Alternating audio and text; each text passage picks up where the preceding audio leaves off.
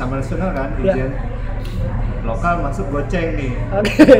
Nah, orang luar masuk 150 Buset, iya. kan terus eh, gue bilang bisa nih kayaknya kita coba nih kan. Dulu kayak pakai kerudung gitu kan Hah? ditutupin gitu. Gua udah masuk temen gue ditanya dari mana mbak? Iya. Aduh, akhirnya? Udah akhirnya ketahuan lah kalau dia bukan orang situ kan. Dari orientasi dan gue tuh berharapnya orientasinya yang, yang ospek gitu loh. Oh, pengen ngerasain lu. gue pengen berontak gitu. Pantai juga deh. Enggak, jadi dan dia tuh berkali-kali nanya kamu ngapain? Ke Mandra guru kamu siapa? Guru kamu iya. gue disangka nyari ilmu gitu bro. Dan hal-hal ini tuh yang emang backpacker malah nggak tahu gitu kalau Iya, iya. Nah, itu Tapi emang biasanya orang backpacker ngapain? Party. Oke, dari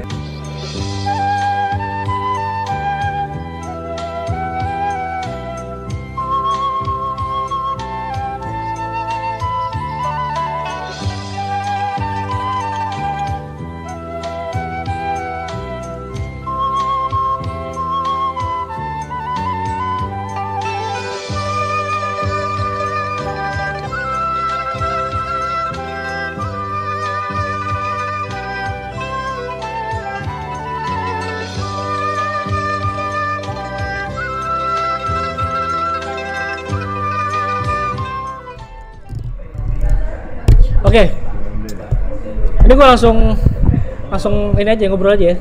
Sudah tadi udah gue rekam sebenarnya. iya iya. Lu rekam? Udah tadi gue rekam dari. ngeri juga Nah, kan bagian yang Iya. Iya. Nah, eh, ya selamat datang dulu pertama buat eh, Hilal di podcast gue. Jadi suara cacing. Gue pengen sebenarnya pengen langsung karena tadi kita ngomongin Madura nih, dan gue baca blog tentang Madura. Gue pengen eh, lu mau ceritain ya gimana apa yang eh, apa yang lu ini kan dari misalnya dari lo ke Madura itu kenapa lu ke sana dan hal apa yang kira-kira lu bawa pulang dari sana? sebenarnya ke Madura tuh gua nggak lebih dari alasannya cuma satu penasaran gitu Iya, iya. jadi eh, waktu itu emang gua lagi di Jogja kan Ya. lagi kayak stay di Jogja sementara terus ya udah gitu gua dari dari dulu pasti denger Madura gitu entah karapan sapi atau carok lu pernah Oh, denger tahu tahu. Iya, gue belajar itu sih. Iya kan? Nah, Iya. Terus gue kayak yang ya udah penasaran aja gitu. Di situ di sana ada apa sih? Lu punya teman orang Madura? Enggak. Nah, udah kan. Jadi eh, waktu itu ya ini gue naik motor, terus pas gue gue mampir ke rumah temen gue di Madiun. Ah. Nah temen gue ini ada kenal dia dia nih kayak dia kenal guru silat gitu Ah. dari Madura. Oke. Nah, kebetulan lagi tinggal di Surabaya. Oh, iya. Udah, gue main lah ke tempat guru silat ini Iya. di Surabaya. Surabaya gitu. Dia cerita-cerita Madura. Satu yang menarik yang dia cerita sih di Madura itu ya eh, kayak kalau ada apa-apa nih Hah? itu aparat yang Bertugas. iya Penegak baju, baju coklat Hah? itu mereka tuh cenderung lepas tangan gitu Iya. jadi kalau di Madura ada apa-apa ya udah gitu mereka kayak nggak berani gitu Karena polisi juga kan bukan asli orang Solo biasanya. Maksudnya polisi kan ditugasin ya. Orang Jawa lah, orang mana gitu. Iya, jadi kayak nggak berani ngeri juga gitu kan nah terus pas gue di pokoknya selama gue di perjalanan dari gue di Tulungagung dan gue di Madu di sorry di Surabaya Hah? gue cerita ke beberapa orang iya gue mau ke Madura dan responnya tuh sama lu ngapain jangan Waduh. iya bahkan orang pas gue di Surabaya Iya. eh, ketemu orang-orang Madura gitu Ya. sama dua itu ngapain dan jangan itu ya, gue digituin malah makin penasaran gitu Oke. ya udah gue gue sana nggak ada ekspektasi apa apa Masih hidup tapi ini ya. Masih. Masih hidup ya. makanya gitu sorry gue ada sih ya teman orang Madura tapi dia lagi nggak di Madura Oh iya. nah yaudah gue ke Bangkalan langsung Ah. hari pertama terus ya di Bangkalan ya itu ketemu bapak-bapak Iya. yang ini dulu udah baca di Iya. blog gitu kan Tapi boleh lu ceritain sedikit gimana? Iya, jadi ya emang gua pas motoran kemarin gua bawa tenda kan, bawa tenda. gue ya tidur di mana aja gitu Seperti Hamtaro ya. seperti yang seperti haci nah yaudah jadi sore itu uh, gue lagi di warung gue tanya sama bapak-bapak ini pak kalau mau buka tenda di mana ya di sini tidur gratis Iya. dia nyaranin di pesarian Saran tuh apa?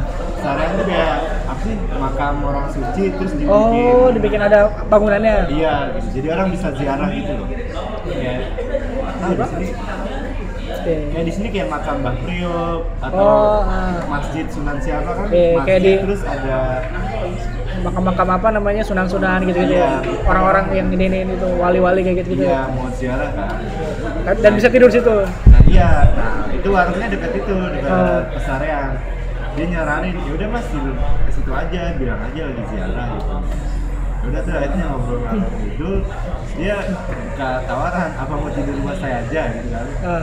ya ya ya udah pak. Ya boleh gue gituin kan. Ya udah akhirnya malam itu tempat dia itu kayak ya intinya gue udah pasrah lah gitu. Naik motor kan sama dia terus dibawa ya karena Madura gelap. Oh, kayak nggak ada lampu lampu penerang gini. Jalan gitu lah. iya jalan masuk gang-gang udah lah gua ya serah lah ini mau dibawa ke mana gitu kan ya benar dibawa ke rumahnya gua tuh dua malam di tempat Ah. dia. Dan dia tuh berkali-kali nanya kamu ngapain? Ke Madura guru kamu siapa? Guru kamu iya. gua disangka nyari ilmu gitu bro. Oh, nyari ini ya, berguru nyari ilmu hitam itu ya? iya ya lah. Kebatinan. Iya kebatinan gitu disangka musafir gitu Lu, lu dengan tampilan kayak gini nih? mak iya Oke. Bagi yang nggak tahu ya, Hilalnya rambutnya panjang, eh, gondrong gitu, kulitnya agak gelap. Jadi emang cocok sih kalau orang kayak orang nyari ilmu gitu. Iya, terus dia dan itu nggak sekali gitu. Jadi malam pertama itu dia kamu ini ngapain lah di sini? Siapa guru kamu? Cari apa kamu? Gituin. Terus besoknya nanya lagi, kamu ngapain lah di sini? Iya. Lu jawab apa? Ya gue bilang, saya nggak apa-apain pak, jadi emang emang pengen lihat Madura aja. Gitu. Oh gitu. Terus ya itu dia kayak ya percaya nggak percaya gitu. Jadi Pak Pak Nabawi dia namanya. Hmm. Nah, Doi ini sehari-hari dia punya sawah, punya Ah. tambak gitu ya. Ini tipikal Orang-orang yang- desa pada umumnya. Iya gitu kan. Di, apa tani, dan dia punya Ah. tambak gitu. Terus ya gue dua malam di rumah dia, ya lanjut lagi gue lanjut lagi Ah. motoran. Eh, tuh tempat berikutnya tuh gue kemah di pantai. Ah. Nah pantainya ini dekat kayak situs apa ya? Tempat orang ziarah juga gitu. Ah. Jadi itu ini pertama kalinya gue lihat orang berdoa di bawah pohon gede. Oh, di bawah. Ah. Dan apa? Pohonnya tuh yang di Sa- disarungin. di- disarungin bukan hitam putih kayak di Bali ya, Iya, iya. kayak wa- warna-warni lah gitu Oh ya. kata orang tuh ini dulu tempat berdoanya pangeran siapa ya? Ah. Kan di Kian Santang bukan? Di mana itu ada ada kerajaan. Iya iya. Katanya ini tempat berdoa siapa gitu. Oh gitu. Iya, jadi ada orang berdoa gitu. gitu. Terus terakhir ya gue ke Sumenep. Nah di Ah, Sumenep gue tidur di musola. Itu dapat pertanyaan yang sama lagi. Ngapain? Guru kamu siapa? Guru kamu siapa? Kan banyak mungkin ya orang ke Madura tuh nyari nyari Iya, kayak gitu. Kayaknya selazim itu gitu. Soalnya banyak itu makam orang suci gitu. Dan di sana juga pesantren. Oh iya iya. Santang. Terus mungkin juga karena basis Oke. kayak oh. lebih kental di situ. Itu sih. Jadi eh ya sayangnya nggak lihat karapan sapi. Lagi ada musim ya? Lagi nggak Iya. ada event ya? Nah, tapi gue sempet tanya tuh sama pas gue di Sumenep, Ah. carok tuh masih ada nggak sih? Dan masih ada. Masih ada. Tapi nggak sering dulu ya? Kayaknya sih udah enggak, tapi masih ada dan ya dari yang gue diceritain. Ya. Jadi ketika lu lu carok tahu Tahu, kan? tahu, ya? ah. Itu yang gue bikin kaget. Misal lu carok nih sama sama gue gitu kan. Ya. Terus lu meninggal. Ya. Terus gue masuk penjara. Nah keluarga lu ini akan balas dendam gue. Nggak bakal berhenti. Maksudnya Iya. rantainya akan jalan terus kan? Iya dan bahkan kayak seseorang dari keluarga lu ini akan sengaja masuk penjara gitu. Nah, Untuk- buat balas dendam di penjara. untuk menyikat gue gitu. Buat yang nggak tahu ya, Carok itu eh, apa ya lebih ke harga diri di mana ketika harga diri lu tuh dilecehkan gitu keluarga lu dilecehkan lu harus membalas dengan membunuh sih yang orang yang melecehkan itu gitu. jadi kayak suatu terus dibalas nyawa terus nanti yang eh, dikenain nyawa itu akan membalas lagi nyawa kayak gitu gitu dan itu sebuah pride gitu Iya, biasanya sih kalau yang dengar keselingkuhan? Ya, itu berapa, sih, berapa lama sana? itu gue empat harian, Empat hari. empat lima harian, dan gue juga yang bikin gue apa ya, takjub juga gitu. Hah? Itu Madura nempel banget kan sama, sama Surabaya. ah, sama Jawa. Ah, sama Pulau Jawa. Dan secara administratif masih ya, Jawa itu kan iya Jawa masih kan. iya iya maksudnya tapi bahasanya beda banget. Iya. Ini kayak gue bisa nangkep gitu kalau orang ngomong bahasa Jawa gitu gitu. Iya. Madura enggak karena gimana ya kita juga jarang dapat exposure sih. Lo, lo orang mana asli? Aslinya gue lahir besar di sini. Di Jakarta kan? Nah, kalau Jawa nih kita sering dengar gitu gue Iya. juga bukan orang Jawa tapi gue sering dengar di, di media lah orang teman gue tetangga gue orang Jawa misalnya gitu. jadi kayak walaupun gak paham banget nih tapi ada hal-hal yang bisa kita mengerti lah gitu. kalau Madura tuh jarang banget gitu iya itu dan uh, ternyata bahasa orang yang di Sumeneb sama di Bangkalan beda mungkin kayak kalau di bahasa Jawa tuh kayak ngapak sama Jawa Iya, beda. atau kayak bahasa keraton sama bahasa yang apa namanya umum gitu. Uh, padahal satu pulau gitu maksudnya Iya. bisa seberagam itu gitu. Nah itu katanya ternyata ya kerajaannya keratonnya di Sumeneb. oh yang Yang- jelatannya di Bangkalan oke. Tapi si- yang gue inget dari saran orang Madura yang gue silat ini intinya lepas maghrib jangan keluar waduh gitu. Maksudnya jangan jangan jangan pas lagi motoran gitu. oke Ya lu ada di daerah terpencil nggak apa-apa ya. yang penting lo nggak ber- ber- berkeliaran gitu ya oke Ayo. balik tiga nama.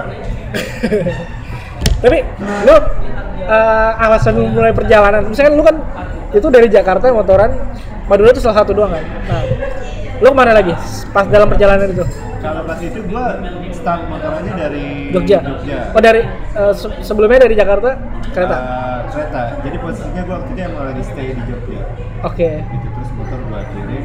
Ah, Terus kayak itu kayak trip panjang sebelum eh, balik untuk Lebaran. oke Bahkan gua mulai tripnya tuh sebelum puasa gitu. oke itu berapa lama Eh, ya sebulan lebih sebulan, sebulan tiga mingguan lah. tiga mingguan Ya tiga ya tiga mingguan. mana aja waktu itu Gua start dari Jogja Hah? itu ke Tulungagung. Itu Jawa Timur apa masih Jawa Tengah Itu masuknya Jawa Timur. Jawa Timur Nah, di Tulungagung itu ada waktu itu lagi ada gathering gitulah. Ah. Mungkin apa ya? Kalau kasarnya ya gathering hippies hippies gitu oh, oke Iya, tapi dari seluruh di, Tulungagung Tulungagung. bisa begitu kenapa ceritanya gimana Nah, itu emang sebenarnya exposure-nya juga kecil ya kecil dan agak diredam gitu sih gitu. Ya ya itu kayak gathering tahun sebelumnya entah di mana mereka nentuin aja gitu. Oke, berikutnya kita bikin di Indonesia. sebelumnya di mana tahun sebelum Itu gua nggak tahu. Tapi berikutnya itu di Taiwan. setelah yang Tulungagung Taiwan Iya. Jadi itu kayak ya intinya orang-orang yang emang nomaden gitu kan. ah. Terus setahun sekali mereka pulang oke gitu dan rumahnya itu ya mulainya adalah tempat gatheringnya gitu. Iya, sisanya mereka berjalan ke mana iya. Setelah itu ya mereka ada yang yang emang musisi gitu kan, Iya, iya. atau rata-rata sih orang yang kayak gitu ya profesinya seniman di bagian di sini atau di yang spiritual gitu lah, kayak yoga, Ah, iya, iya. reiki gitu gitu lah, kayak gitu. Itu gitu aku. Lo ikut komunitas itu? Itu bukan dibilang komunitas itu bukan komunitas juga sih. lebih ke apa? Jadi itu kayak non struktural itu lebih kayak apa? masyarakat. Kayak kayak kelompok masyarakat tapi nggak ada nggak ada basis basis lokasinya nggak ada? Nggak ada. Dan anarki. Oke Anarki nggak ada aturan yang ini ya maksudnya nggak ada aturan ikat iya. segala macam gitu. Ah. pemimpin pun nggak ada. gitu jadi misalnya lu, lu hari itu tiba-tiba di gathering lu mau bilang lu mau bikin apa gitu? Ya silakan Lu tapi lo ikut itu udah lama?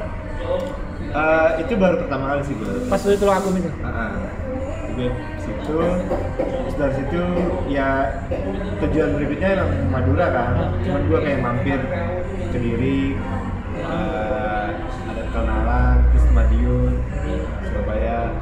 Baru Madura. baru Madura dari Madura itu gue berikutnya taman-taman nasional Di mana aja tuh? Eh, pertama tuh Bromo Oh, Bromo. Masih Jawa Timur ya? Iya, nah itu ke Bromo agak agak nekat juga sih, karena gue pakai motor legenda kan. Honda legenda. legenda. Cuma kan legenda itu kayak lu motor buat ngangkut galon kan, kalau di Iya. Jakarta itu kan. Itu eh, kan biasanya orang Bromo ini ya disuruh nyewa jeep, Iya. gitu kan. Dan pas gue sama temen-temen gue nyampe sono pun digituin. Yang wajib aja Iya gitu. nyewa jeep mas, nggak bisa motoran kata gue. Terus ya temen gue udah amatan gitu lah ya udah gue juga gitu kan Naik motor akhirnya. Iya. Ke atas. Iya, dan itu kayak jam 2 pagi gitu. Gila. Lewat jalur yang pasir-pasir gitu kan. Ya udahlah. Sikat. Nyampe tapi ujungnya. Iya. Terus eh, lihat yang apa? Kayak viewpoint yang untuk melihat Semeru segala macam. Ah. Habis itu turun ke ada pasirnya. Gitu. Terus itu ke Ijen. nah. Ijen. Mot- masih motor ada tuh? itu masih motoran Ijen Ijen tuh Kenapa? gue sempet bandel jadi gue sama temen gue Ya. dia orang Korea kan Ah. Terus Oh ketemu di acara yang keluar gue itu, ah, sebarang. dia orang Korea kan taman nasional kan Iya. Ijen lokal masuk goceng nih Oke. Nah, orang luar masuk 150 Buset. Iya. kan Iya, gimana iya. gitu kayak Iya. Ada ada perbedaan kasta ya. Iya. Dianggap Terus- orang bule ini banyak duit ya. Heeh, padahal yang nggak juga gitu kan terus temen gue eh, gue bilang bisa nih kayaknya kita coba nih kan Udah lu kayak pakai kerudung gitu kan Heeh. si tutupin gitu jalan belakang gue udah lu diem aja gitu gak usah ngomong gitu. Jadi gue beli tiket dua lokal. Terus pas di periksa tiketing gue udah masuk temen gue ditanya dari mana mbak? Iya. Aduh, ya akhirnya udah akhirnya ketahuan lah kalau dia bukan orang situ kan. Gagal tuh. Aduh, akhirnya dia bayar 150 tuh. iya. Aduh. gagal bandel tuh. Ya, terus ya ke Ijen itu sih lihat lihat api biru gitu iya. yang menarik sih justru melihat orang-orang yang masih kerja apa Apa namanya? Belerang iya itu sih yang yang justru menarik di kawah itunya ya. Ah. Kawah Ijen itu. iya jadi kan dulu kan orang pikul semua kan Iya, iya. cuma sekarang ada yang ini pakai troli gitu Gerobak gitu. Iya. Dan itu kalau eh, nggak ngangkut dia, itu jadi taksi. Oh. Jadi misalnya lu nggak kuat nih. Barang lu taruh di situ? Iya. Lu naik, lu didorong gitu. Oh, lu yang di situ. Ha-ha. Bisa gitu. Bisa. Atau lu turunnya capek. Ya Naik- naik gerobak itu iya. ya? Kayak lu bayar 400 Buset. gope, ya mahal lah pasti. Iya. Lu didorong gitu kan. Iya sih. Gitu.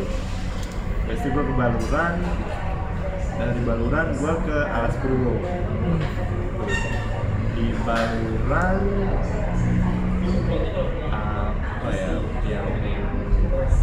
Beloran tuh daerah apa sih? Banyuwangi Ah. di bagian utaranya Oh, masih pinggir laut itu. iya itu tuh dia ada kayak padang savananya gitu lah Ah. katanya yang kayak di Afrika gitu kan kayak gitu jadi itu gua ke sana sore-sore nah ini gua udah sendiri nih jadi gua sama temen gue ini kan Bisa. enggak jadi gua sama dia eh, ke kan set gua pikir tuh tiket harga tiket sama ternyata sampai loket dibedain harganya terus gue yang udah bete gitu kayak Aku malah. malas. Iya kayak gue udah nggak mau lagi bayar 10 Gede. kali lipat Iya. gitu kan. Jadi akhirnya gue ngecamp sama dia di pantai. Besoknya Lu sendiri dia- masuk. Iya dia kembali. Gue lanjut ke Baluran gitu kan. Terus eh, ya cuma savana aja sih yang gue lihat gitu. Iya, iya. Karena di sana tuh banyaknya binatang nokturnal. Ya, Jadi kalau siang tuh nggak ada.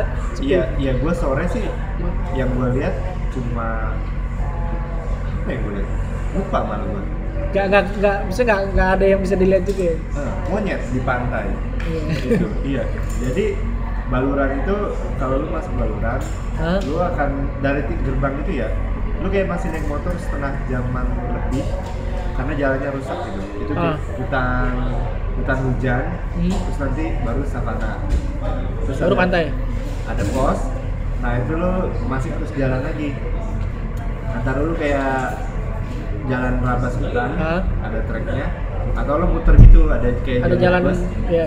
lewat savana nah gue nerabas hutan nah terus tadinya gue mau camping tuh di pantai terus gue tanya sama rangernya pas di pantai kenapa sih mas nggak boleh camping "Eh, ini mas soalnya kemarin baru belum lama Ah. ditemuin binatang predator entah macan atau apa gitu Dan dia keluarnya malam. iya dan kayak takutnya bahaya gitu kan Iya, iya. orang camping terus gue kayak mampus ini motor gue di sana dan Jauh itu- gitu. iya posisinya udah udah Agak gelap.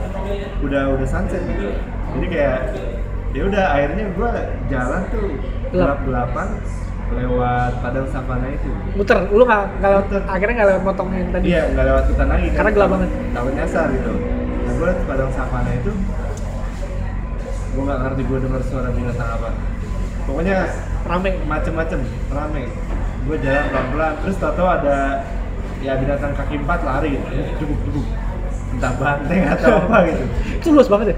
luas banget itu kayak ya udahlah gue Lu dan lu sendiri. iya sendirian itu kayak ya udah gue lihat gimana gimana nanti aja gitu kan terus eh, nggak nggak terang bulan juga lagi Dan Lagi gelap banget. bro. eh, bulan nggak sorry bulan nggak nggak lagi lagi nggak purnama. Saya Iya. penerangan tuh seadanya banget lagi. Nah, dan gue juga nggak berani nyalain flash Iya. nggak berani nyalain center gitu kan. Takut tiba-tiba diseruduk apa gitu. iya takut kayak wah apaan nih gitu kan binatangnya nah, udah jadi ya. Mungkin kayak lu kalau lu kayak ke, ke kebun binatang gitu Iya. rame suara binatang tapi ini ya gelap, dan nggak ada kandang gitu Iya. itu sih terus ya udah akhirnya gua ya nyampe motor tuh jam 7 terus langsung Cabut lagi keluar. cabut lagi karena emang nggak boleh Nggak boleh camp. Hmm, kecuali lu nyewa kayak homestay gitu Ah, Oke. terus habis itu gua ke Alas Purwo kalau Alas Purwo ini apa? Alas Purwo nih orang tahu ke Alas Purwo ada dua hal. Hmm. satu lu mau ziarah Hmm. tetap yang kedua lu mau surfing. Oh, dia pantai yang ombaknya gede. iya itu tuh pantai apa ya? Sebelah mana aja? Cilen gitu kan. Itu di, di ujung Alas Purwo gitu. Nah tapi Alas Purwo ini apa ya jadi lu kalau mau ke pantai-pantai untuk untuk surfing ini Hah? lu nggak boleh pakai kendaraan pribadi harus pakai kendaraan disediain. iya lu harus nyewa harus nyewa mobil yang ada Nah, dan itu mahal. waktu itu tuh tiga ratus ribuan Ya. atau lu jalan kaki Jalan lumayan. jalan tuh sampai ke spot yang paling bagus tuh 9 kilo Lumayan kalau jalan kaki 9 km. nah jadi kayak lu Mau nggak mau akhirnya kayak kalau mau surfing ya harus iya ya karena gua nggak surfing kan ya udah gua jalan aja gitu jalan pagi balik sore terus ngecamp dan apa ya ya akhirnya ya udah gitu itu doang gitu Ya. Eh, sayangnya baluran ya baluran kalau gua bandingin gitu ya, Ya. lebih menarik gitu daripada Alas Purwo. iya karena alas purwo emang kalau interest lu bukan dua itu nggak ketemu apa-apa yang lu cari iya, gitu. ha-ha. kayak lu ke sana ngeliat orang doa di goa Atau atau lu lihat orang surfing iya. iya dan orang yang surfing pun ternyata rata-rata mereka berangkatnya dari Bali Oh. kayak mereka surf trip gitu eh, nyewa kapal langsung gitu. ke langsung ke Pantainya titik- gitu, iya pantainya itu jadi mereka nggak ke mana-mana Hmm. paling yang paling gokil itu jadi pas gua camping di Alas Purwo Atau sana bisa bisa ngecamp. bisa. Pas gua camping di Alas Purwo itu ada satu orang dari Australia. Hah? dia udah camping di situ kayak dua mingguan gitu. Anjir lama juga. iya dia emang surfing kan. Nah, Eh, dia dikasih pinjam sepeda terus ya udah itu pagi dia sepedaan ke ombak-ombak ombak pantai itu. Dan gua camping orang Indonesia camping bayar sepuluh ribu Iya. dia itu kayak bayar seratus ribu berapa ya per hari. per hari Gila. jadi bayangin itu dua minggu dia keluar berapa juta Anjir. buat hampir lapak 2 juta gitu. iya buat lapak camp doang iya dari situ gua ke Bali balik gue cuma ke Ubud sih Oke. cuma ke Ubud terus pulang Masih motoran itu?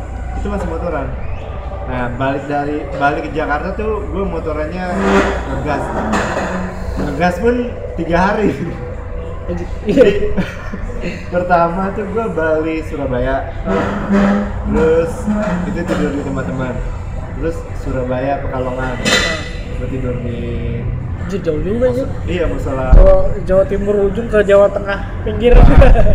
di pom bensin gitu lah terus dari Pekalongan Jakarta Jakarta. Yes. itu kayak gue di Pekalongan tuh tidur nggak nyenyak gitu kan Hah? jadi ya udah tuh jam jam 3 atau jam 4 pagi tuh udah gue Udah jalan lagi, Jakarta. lagi sampai sini sore Sore. Asik. A- apa yang oke klise sih maksudnya ken- kenapa lu seneng atau titik apa sih hal apa yang buat lu tuh akhirnya seneng aktivitas ini gitu aktivitas jalan-jalan ini. Kalau gue tarik ke belakang gitu Iya, ya iya. ternyata gue udah suka nyoba Ah. hal baru gitu terutama ke tempat baru. Itu dari gue kecil. Jadi cuman ya karena masih kecil skalanya lebih kecil pas 2004 itu Hah? gua kelas 6 SD itu Transjakarta baru keluar tuh di Jakarta. Jakarta. Jalur Blok M Kota gua tinggal di Cilandak. Ya. Cilandak gua lihat itu di TV terus gua pengen nyoba. Gitu nah terus gua bilang sama ibu gua mak Hilal mau ke Cilandak Mall. Itu kayak deket banget lah Iya, iya. kayak naik angkot sementara. Gua bilangnya mau situ. Tapi lu Tahu udah sepuluh ribu, padahal gua ke Blok M. bandel ya? Iya, naik busway. waduh. Terus balik, sampai rumah gua baru bilang, tadi naik busway. Iya tadi ke kota tua. Udah, udah, udah gitu kan orang tua mau ngapain? Iya, ya udah pulang gitu ya Iya, udah pulang gitu kan. Ya, ya udah. itu nggak hilang jalan Iya. Terus kayak dulu pas SMP gue suka nonton Persija sendirian. nah, ke GBK Waktu itu masih ada stadion Lebak Bulus. oh masih ada Iya, jadi awal gue diajak temen gue nih sekali. Ah. Wah seru banget nih. Udah abis itu temen gue gak pernah nonton. tapi lu terus jalan Iya, gue udah aja udah sendirian. Bodo amat gitu kan. Ya itu ternyata gue dari SD, SMP SMP tuh emang udah doyan nyoba Ah. tempat baru sendirian gitu kan. Terus ya makin gede, punya uang, Ah. makin berani, ya udah akhirnya kayak trip awal tuh yang bener-bener keluar Jakarta itu gue ke Jogja 2014 itu Jogja ya mungkin standar itu Jog gue waktu itu ke Jogja Ah. terus lanjut ke Karimun Jawa lanjut Bandung terus balik Jakarta lu waktu itu apa nih masa aktivitasnya itu emang bener-bener jadi gue waktu itu kerja Jakarta Ah. kan habis kontrak terus kayak ah gue mau jalan dulu deh Iya, iya. sebelum nyari kerjaan lagi Iya. gitu kan nah ternyata di ketika gue ngelakuin perjalanan itu sendiri itu kayak oh seru banget gue Iya, iya. teman baru kayak apa?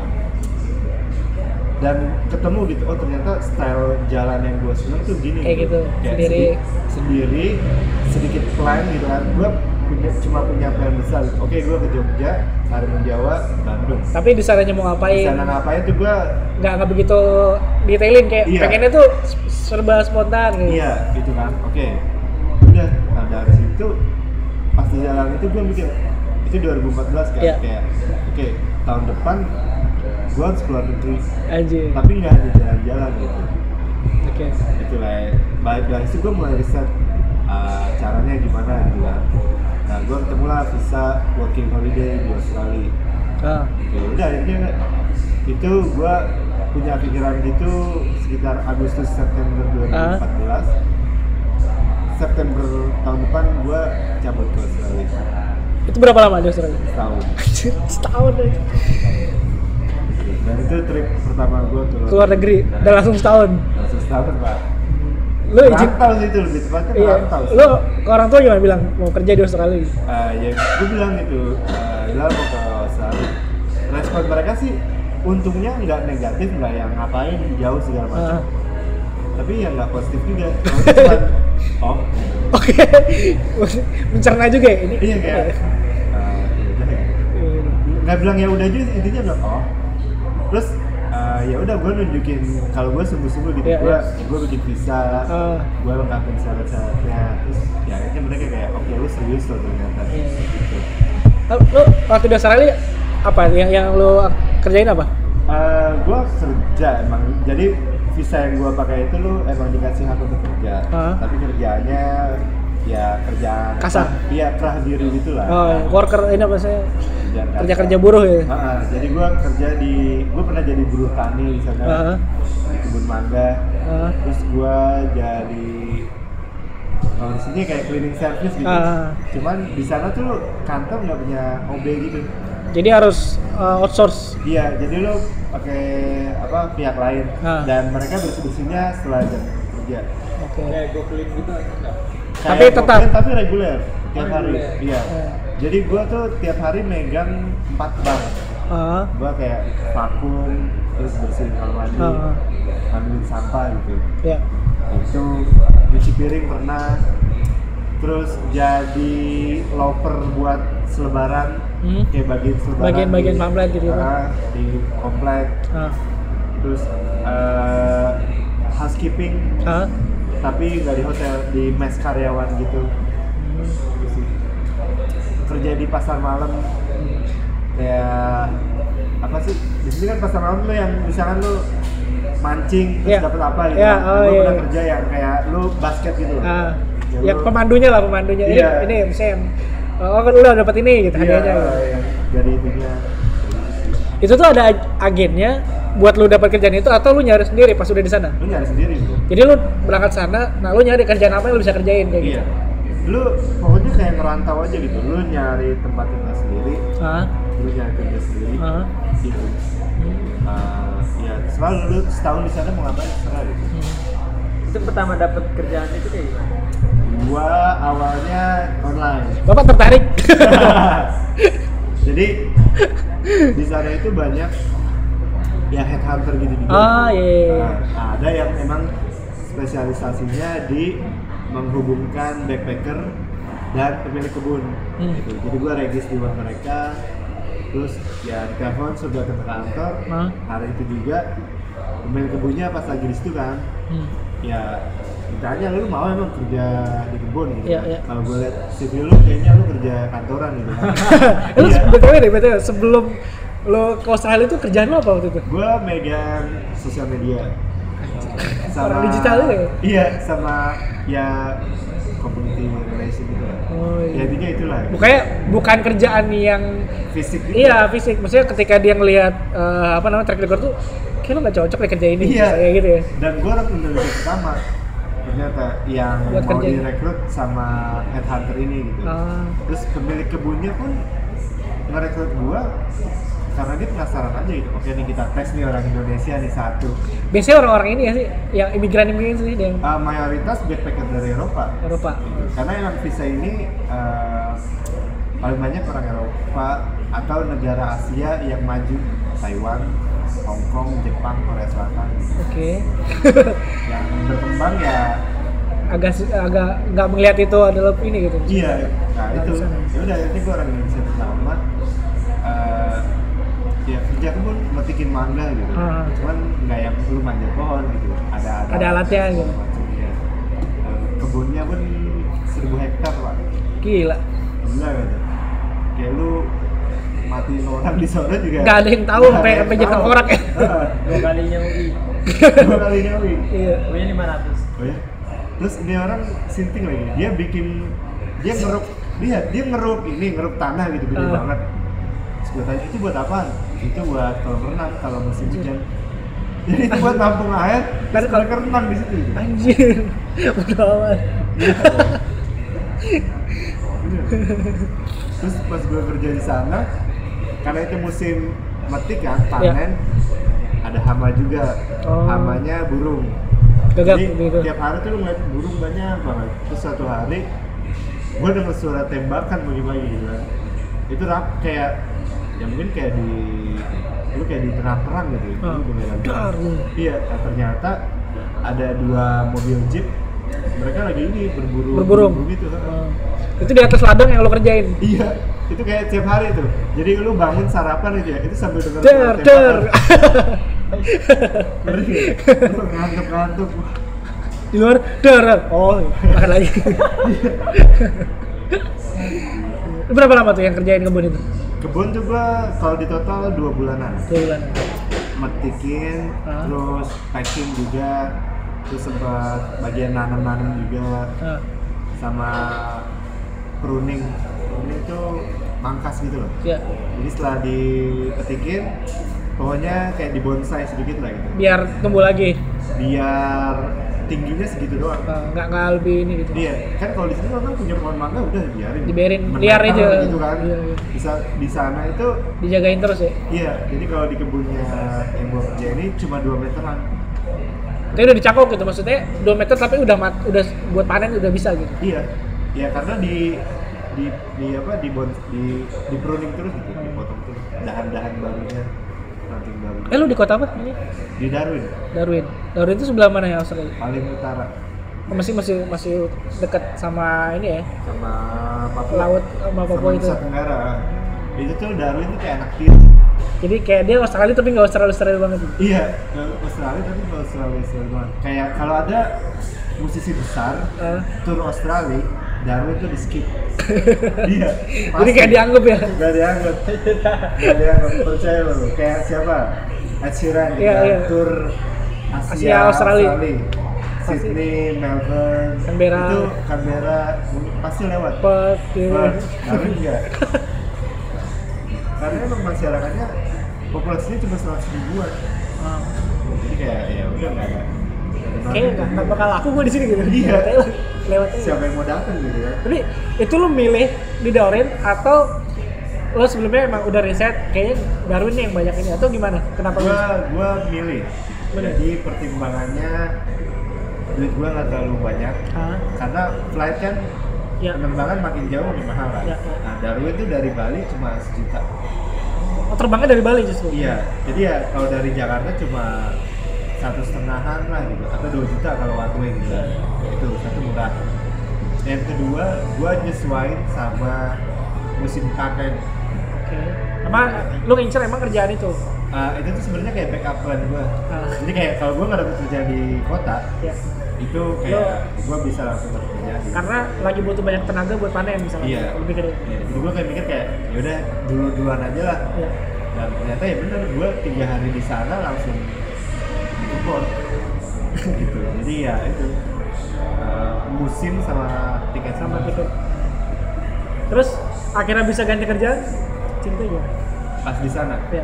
Jadi itu kan dua bulan. Nah pas selama gue di kebun itu gue juga ya tau lah pasti ini kerjaan di kebun cuma sebentar gitu. Iya.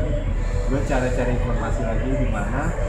Nah gue ada kayak apply online juga. Nah. Jadi di sana tuh kayak ada pertambangan Ah. di dalam itu kayaknya tambang gas gitu lah. Ah. Nah, mereka nih punya mes karyawan buat 3 ribuan orang. Gue apply, eh, mereka pakai outsource juga untuk kebersihan. Gua Oh, apply apply-nya ke yang perusahaan outsource-nya? Iya, gue apply ke mereka. Terus ya wawancara, wawancara sekali, udah habis itu diterima tes kesehatan terus kerja. Itu sih, itu kerjaan terlama kedua 8 bulan. Iya. Dan yang menarik tuh eh, ketika wawancara ya, Iya. orang kan mikir wah wawancara kerja dulu pakai celana panjang, Iya, iya. kemeja gitu kan ya. Nah ternyata pas gua datang ke wawancara itu ada yang pakai kaos celana pendek doang gitu. Iya. Se- Santai Sesantai itu, itu, iya. iya, untuk kerjaan Housekeeping ya. Tapi emang ternyata di Darwin itu kota paling santai. Se, se Australia. Australia. Jadi kayak mungkin di sini orang kerja di bank Ya. itu pakai dasi kan. Sono. atau di di, di kota-kota lain di Australia gitu Iya. tapi di Darwin enggak itu nggak pakai dasi jadi Santai kayak, santai itu gitu. Karena mungkin penduduknya juga banyaknya ya tukang kebun. Eh, juga? mungkin karena vibe pesisir gitu ya. Oke. lebih lebih nyantai gitu. dan panas pak Oke. Darwin itu panas kayak di sini Eh, dan lembab daerahnya itu sih terus itu housekeeping ganti-ganti lagi habis itu sampai balik. Eh, pokoknya ya itu itu kan housekeeping dua bulan Oh. kan gue setahun kan sana housekeeping dua bulan Ya, terus eh oh sorry 8 bulan. farm 2 bulan housekeeping 8, 8 bulan, ah. nah dua bulannya itu ada kayak nganggur dan gua jalan-jalan gitu jadi Ah. ada kayak nganggur di sini terus cuti di sini Iya. gitu ya Tapi ini nih, eh, penghasilan secara penghasilan oke nggak? Atau ya udah lu lebih nyari pengalaman dibanding eh, Eh, ekonominya? ya dua-duanya Dua-duanya. tapi dari segi finansial ya ya sekarang lu bayangin aja lu kerja kasar kasarnya ya lu bilang kerja gitu doang Iya. lu dibayar 200 ribuan per jam. 200 ribuan rupiah ya Terus sekarang lu bayangin kalau lu kerja itu 8 jam per hari Eh, atau ini deh orang kerja normal berapa sih 8 jam sehari. 8 jam. Oh, Kali 5 hari per minggu. 40 kan 40 per minggu per minggu. minggu. ah 40 jam. oke taruhlah 40 jam kali 200 ribu itu berapa Ada 8 juta 8 juta seminggu.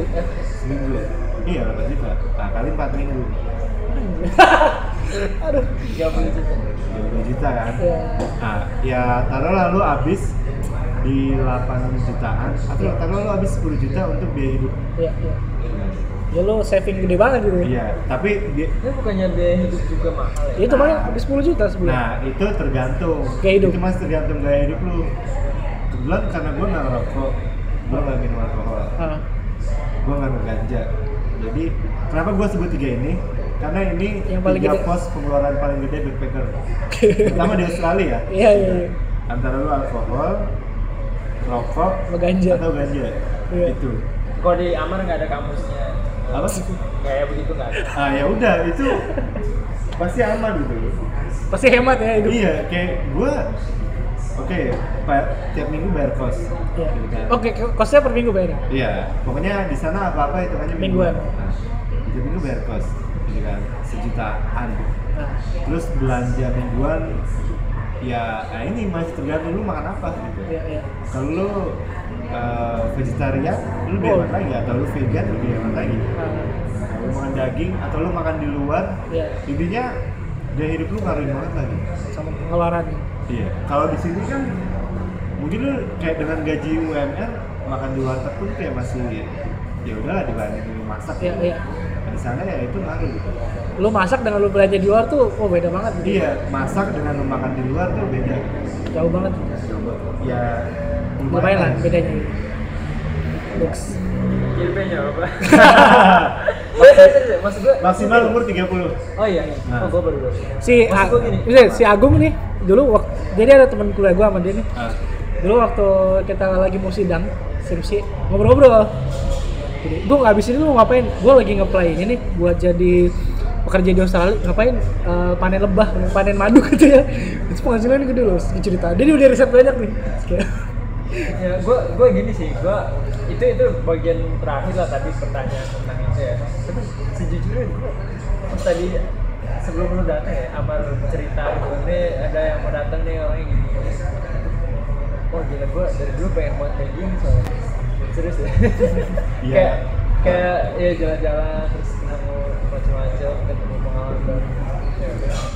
Pokoknya kalau strategi gue strategi gue di Australia itu oke gue kerja setahun habis itu baru gue aktualisasi diri kayak, gue. baru gue ngapa-ngapain gitu Iya, kan iya, iya. baru gue itu lu balik ta- tahun berapa balik itu 2016 balik no- 2016 pertengahan ya pokoknya setahun lah ya, ya. ya.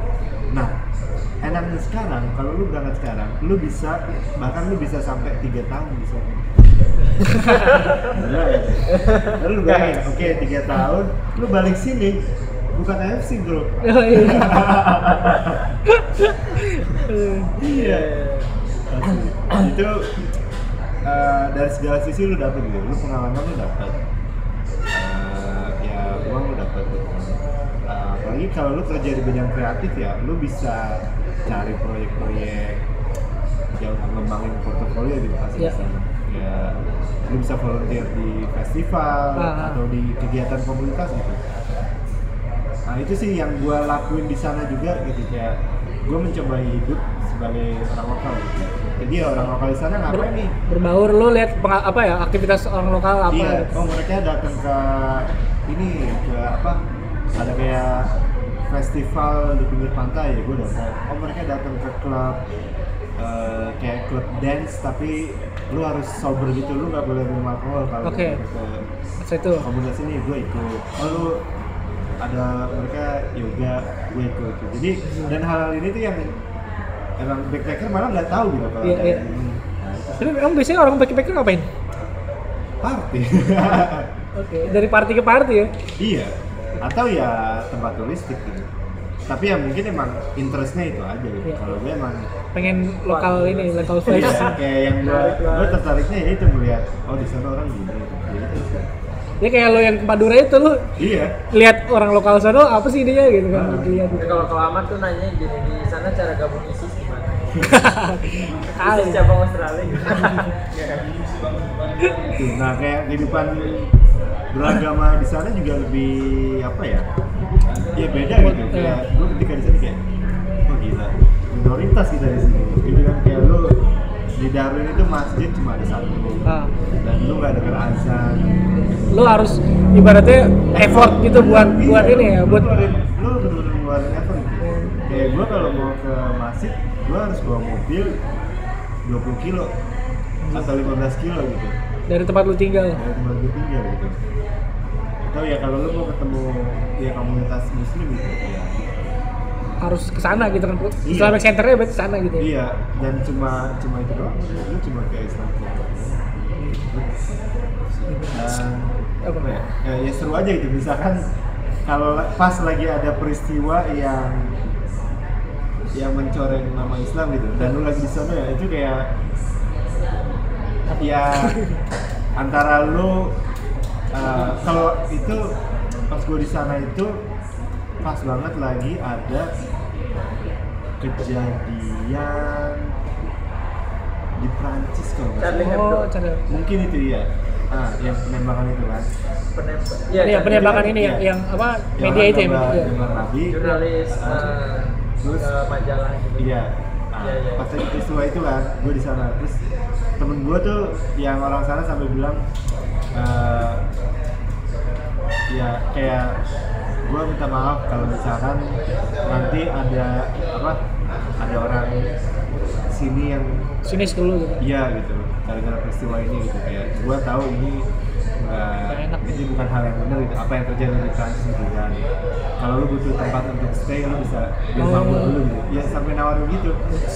Ada yang ya intinya lu antara lu bakal ketemu yang kayak gitu atau lu ketemu yang barat dulu gitu Ah lu nih orang Islam nih. Iya. Teroris. iya dan eh, dan lu pasti jadi ditanya-tanya gitu sama Iya. orang kayak pas itu pas kejadian itu kejadian itu gue lagi di kebun mangga terus yang pemilik mangga tuh Nyamperin lu. nanya gitu kayak lagi lagi ngobrol nyantai gitu di di ruang makan emang lu percaya lah kalau lu ngebom lu akan masuk surga terus dapat banyak bidadari gitu jadi yang dia image yang dia tahu dari media tuh itu gitu Iya. Iya, iya. Tentang Islam. ya gue denger aja ya udah gitu aja kayak gimana mau dijelasin pun kayak ya Gitulah.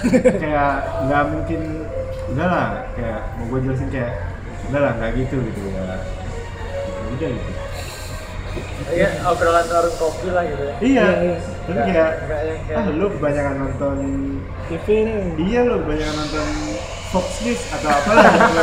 Yang Kebanyakan- emang medianya ini ya. iya kebanyakan nonton media mainstream gitu dan ya udah Terus lu balik nih ke Indonesia. balik Apa abis itu? Kan setahun kan bener-bener lu nggak balik, nggak balik kan? nggak balik Sama setahun nggak balik. Ah, sorry gue sempet balik di bulan jadi kayak dua bulan gue di sana Ah. Gue sempet balik ada urusan yang penting gitu lah.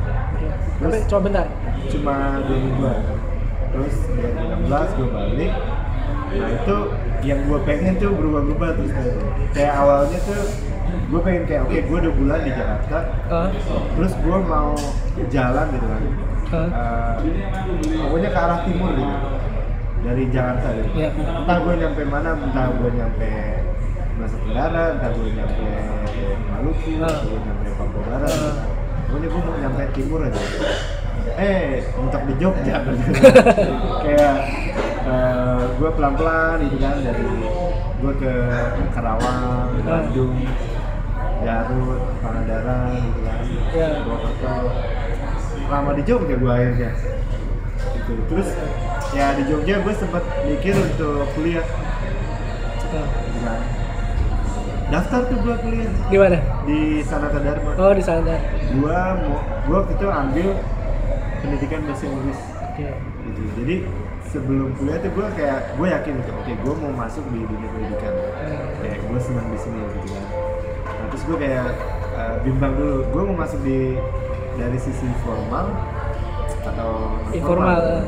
Kalau formal gua butuh ijazah Ya. karena pendidikan terakhir gua cuma D3 Ah. Lu tiga apa lu? komputerisasi akuntansi gitu kayak ya mau nggak mau gue harus ambil S1 S1 ya? iya atau dan itu pun gue nggak bisa extend gitu karena Udah lewat, udah udah angus ya iya kalau lu lihat dari semua mata kuliah yang gue pelajari nggak ada yang bisa ke pendidikan. ah ah, gitu jadi pilihannya antara gue nulisin S1 asal lulus terus Ah. S2 nya di edukasi Atau langsung gue ulang lagi awal nih. gitu kan terus gue pikir kayak ya udahlah gitu kenapa enggak gitu kan Iya, iya. gue cari di sana ke Dharma kampus yang bagus Iya. PBI nya akreditasi A gitu Iya. kan terus ya udah Kampusnya Jokpin. oh ya Dia ngajar di situ sih. ah,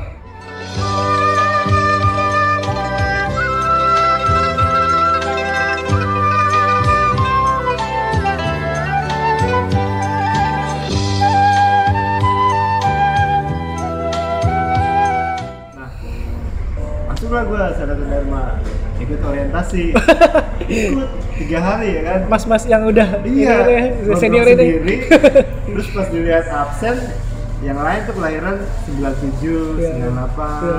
nama gua 92 gitu jauh banget gitu kan Beda 4 tahun. Iya, beda 6 tahun malah. salah ketik kok gitu ini typo apa gimana gitu kan tapi ya udah gue coba ya karena emang itu yang gue mau Iya. nah tiga hari kan tuh Kuliah apa namanya orientasi? ya? Nah, kayak kayak dulu ada di angkatan gue ini Apa? Om Gembit oh ya beda 10 tahun sama gue anjir dia eh, gue 93 dia 83 Legend. di Tapi emang lulus ya? lulus Lulus ya anjing. nah itu emang emang niat gitu kan Iya, emang mau belajar gitu ya. Iya. Hari orientasi dan gue tuh berharapnya orientasinya yang, ospek gitu loh. Oh, pengen ngerasain lu. Gue pengen berontak gitu. Pantat juga deh. Enggak, jadi gue tuh dari gue pas SMA gitu ya, Iya. gue ngeliat berita ospek. Ya, yang di apa, dibully segala macam. Apaan sih nih gue? Gue pengen ngerasain dan gue pengen ngelawan gitu. kan. Asik. Nah pas gue kuliah dulu D3 di BSI, Nah, nggak ada kayak gitu, cuma seminar kebangsaan gitu. Habis sudah kelar gitu. Iya, wah nggak seru nih. Terus gue berharap bisa nonton Dharma gitu. Ternyata enggak. Ternyata sama santai juga. Iya, tiga hari itu yang fun gitu. Yang aspek yang baik sih, gitu Iya. kayak ya itu harusnya orientasinya kayak gitu. Lu fun dan segala macem. Ya udahlah, tiga hari. Nah, gue dapet informasi dari temen gue.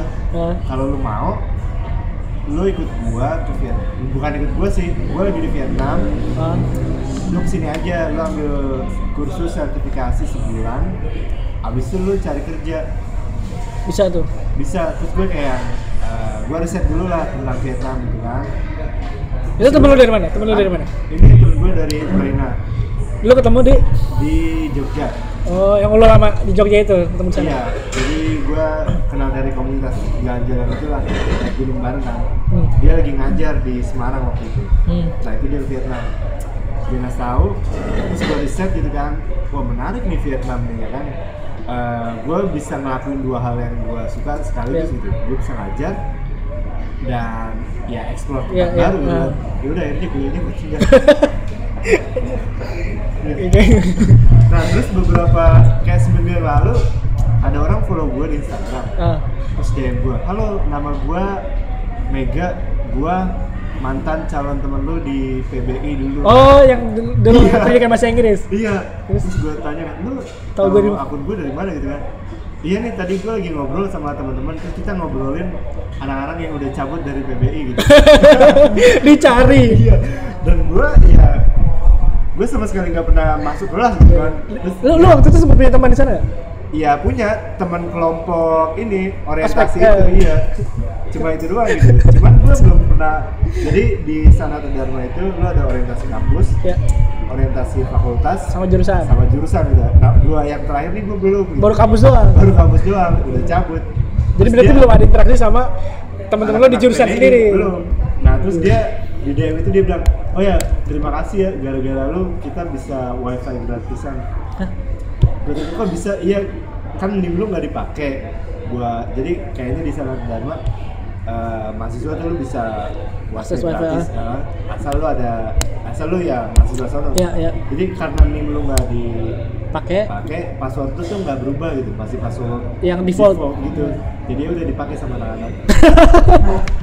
Nah, kenapa mereka nggak pakai punya sendiri? ya mungkin kayak entah buat apa gitu nggak ngerti juga Ada kuotanya gitu. Oke, biasanya sih ada kuota device sih. iya Misalnya kayak lu udah nge-login satu laptop nih, nah lu punya HP, HP nggak bisa. ah iya jadi ya udahlah gua ada kontribusi seenggaknya buat sangat Dharma gitu kan Buat anak-anak PBI angkatan gue. iya ada kontribusi gitu tapi ya udah sih gua nggak menyesali pilihan gua Iya, iya. ke Di di di Vietnam sertifikasi apa? TESOL namanya Apa? jadi eh, itu kayak lu sertifikasi pengajar bahasa Inggris sebagai bahasa kedua. Gitu.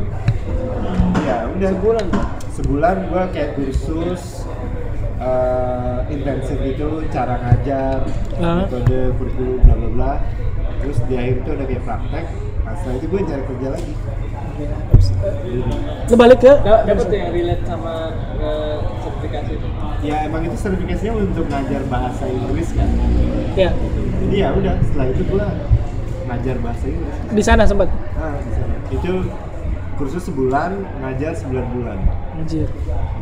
Jadi hampir setahun juga di sana ya. iya setahun juga Anjir.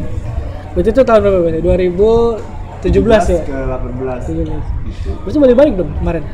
Eh, iya itu gue balik ke sini itu kan seminggu sebelum lebaran Oke, bulan-bulan apa berarti? Juli ya? lebaran iya Juni Juni eh Juni ya Juni lah Juni. nah itu ya gue balik sini terus sebelumnya tuh emang gue ada plan untuk ke Eropa Ah. jadi gue balik urus visa Langsung berangkat lagi. langsung gue ke Eropa dua bulan Oke. Eh kita ketemu di Sinkro itu lu baru balik dari apa berarti? iya itu gue baru balik dari trip Eropa Anjir. Eropa tuh mana aja? Eropa gue start dari Jerman Ah. terus gue Polandia. Polandia Slovakia eh, bawahnya sampai ke Hungaria eh, Romania Bulgaria Yunani terus gue balik ke Jerman lagi Ah. terus gue ke Belanda Belgia terus ke Jerman lagi balik Itu berapa lama? itu dua bulan Dua bulan. gue hitchhiking di sana Apa tuh? Eh, cari numpang-numpang gitu Ah, nebeng gitu Nebeng. jadi ya udah gua modal jempol sama tenda doang Jempol buat ini transportasi. Ah, Tenda buat apa ngecamp. iya. Apa apa yang lu dapat dari perjalanan selama dua bulan di Eropa itu kayak bukan perjalanan yang sendiri kan itu? ah itu gua kalau di total sebulan sendiri sebulan sama teman Tapi kayak se- sendiri ada teman itu sendiri lagi gitu-gitu. iya Kayak gitu ya? jadi ah, teman gue ini jadi pas gue bikin visa Eropa ini Hah? gue mampir ke Tulungagung kan Ah. ya silaturahmi gitu kan Silaturahmi. yoi Menjaga hubungan Yoi. sana nah di sana gue ketemu orang dari Inggris Ah. gitu terus setelah itu ya kita ngobrol juga nih setelah ini gue ke Eropa nih bilang oh yaudah ntar gue uh, ikut deh gitu kan Iya. setiap balik ke Inggris nah pas gue di tengah perjalanan gue nyampe Romania dia nyusul Oh, Jadi kalian bertemu di Romania, dia dari Iya, Inggris. iya jadi Jerman Romania gue sendiri terus Romania. Romania sampai Yunani berdua. Baru dia. habis itu balik ke Jerman lagi sendiri Gimana tuh perjalanan Eropa? Eh, ya seru banget sih karena jadi awalnya ini ya emang ya kayak tadi gue bilang gitu pokoknya kalau gue nge-trip ada rencana besar terus nanti Sisanya isinya, tuh, isinya iya. apa ya udah gitu ya biar nanti lihat. kan. jadi emang gue udah tahu gue rutenya dari Jerman harus nyampe Yunani terus balik lagi ke Jerman itu gue udah tahu cuman di, di tengah-tengah itu gue mau ngapain lihat apa ketemu siapa ya udah ngalir aja gitu itu sih dan ya yang paling berkesan ya pengalaman ketemu orang-orang di jalan kayak orang-orang yang ngangkut gua gitu Ah. ketika gua hitchhiking itu rata-rata pasti punya cerita ya Iya. karena nggak sembarangan orang mau ngangkut orang asing gitu dia orang asing di pinggir jalan gitu Iya, iya. jadi kayak ada yang emang ada yang ada yang bermusik oke. Ada yang emang biasa jalan-jalan. Ah, ada yang ada satu cowok usianya 40-an ah, tapi masih single dan masih kayak ah, YOLO gitu iya, lah kayak iya. rock and roll gitu. Ah, terus eh, ada satu orang supir taksi ah, itu doi religius banget Katolik Ah. religius gitu kan anaknya 8 cuy anjir. Usia masih 40-an 50-an itu. Iya gue tanya lu nggak mau ini udah 8 anak berhenti apa gimana? Ya kalau masih dikasih ya udah. Dan itu gitu sebenarnya orang-orang yang gue temuin ini yang nampung gue itu ya orang-orang yang punya cerita yang unik ya. iya eh, itu sih. Lu biasa dikira orang mana ada yang ngira gue orang dari Amerika Selatan. Latin. Iya iya ada sih lu tampaknya ada sih. Kulit agak sama kan rambut lu rambut begini kan rambut Nah. begini kira ini. ada yang ngira gue orang eh, dari Afrika. Oke. Ada yang ngira dari Asia Tenggara juga ada. Oke. tapi Asia Tenggara-nya Thailand. Ya Vietnam Iya. Filipina. Enggak, Vietnam. Filipina. Ya. Thailand, Thailand Thailand Filipina kayaknya sih nggak ada yang bilang gue orang Indonesia. Indonesia yang bilang gue orang ada negara namanya Eritrea oh gue pernah dengar Eritrea tuh sampingnya Ethiopia Ya, Afrika Utara ya bagian utara Iya. Dan hampir bener sih karena gua ada roots di Yaman gitu. oh lu ada Jadi- turunan Arab Buyut gua tuh orang Yaman. oke Itu kan kayak Afrika Utara. iya iya sama gitu iya ya. mepet-mepet lah sama Afrika sama Nah. Arab juga Itu agak agak ya hampir benar gitu bisa dibilang. hampir benar aja Iya. benar. terus akhirnya setelah lu balik dari Eropa kemarin apa, apa perjalanan lu? Lagi setelah Eropa itu berarti kan udah jalan setengah tahun lah ya? Iya. dari lu balik. Nah, lebih malah setelah setelah Eropa itu nggak diduga. Eh, temen gua yang bareng gue ini Yang Inggris Iya. Jadi doi itu kan ke Tulungagung kan. Ah. Terus dia kayak wah gua jatuh cinta nih sama Jawa, sama Pulau Jawa dan kulturnya gitu. ya Terus dia bilang kayak gua mau stay di Pulau Jawa lebih lama. Ya gua kasih tau lah, lu bisa ikut Dharma Siswa. apa nggak? Dharma Siswa. apa tuh Jadi ada beasiswa. Pemerintah kita ini ngeluarin beasiswa untuk orang asing ah yang mau mempelajari budaya Indonesia budaya Indonesia. Kayak bahasa atau musik gitu. Gamelan, Ah, batik segala macam gitu kan. Senian gitu-gitu. nah, dan gua kasih tahu ini ke dia. Karena emang background dia musik gitu kan. Ah. Terus oh yaudah gue mau ambil gamelan Nah. di Jogja. Gitu. Dan ya dia harus belajar bahasa Indonesia. Ya gitu kan. Jadi eh, setelah Eropa itu gue balik ke Indonesia terus abis itu gue tempat dia di London. Oh. Jadi gue terakhir itu gue tiga setengah bulan di London. Itu bulan apa? Desember sampai, Sampai Februari. Maret kemarin. oh Maret. Itu balik balik nih. Baru baru sebulanan lebih lah Iya, ya. iya. Sana ya, sana apa? Ya gue ibaratnya gue nebeng, gue numpang tinggal di tempat dia dan ya kadang ngajarin dia bahasa Indonesia. Gitu. Tapi dia dia akhirnya ikut program itu sih? Masih proses. masih proses buat ikut program itu Ah, ah, Agustus nanti mulai baru mulai programnya. itu di Indonesia tuh di Jogja Bisa, Iya. Jadi ini beasiswanya dibuka untuk seluruh dunia sih. Hmm, ya ya dari mana pun orang dari mana pun yang mau belajar mau belajar. Jadi dari pemerintah Indonesia buka beasiswa buat orang asing belajar budaya Indonesia. Buat di negara-negara mana pun Iya, selama setahun. kecuali Indonesia. Kecuali Iya. Indonesia, Pak. Bener. Gimana ya? Jadi diharapkan lu balik tuh lu jadi duta budaya. Ah, ambasador Nah. culture. Iya. Dan itu emang ya kalau orang yang udah cinta gitu ya.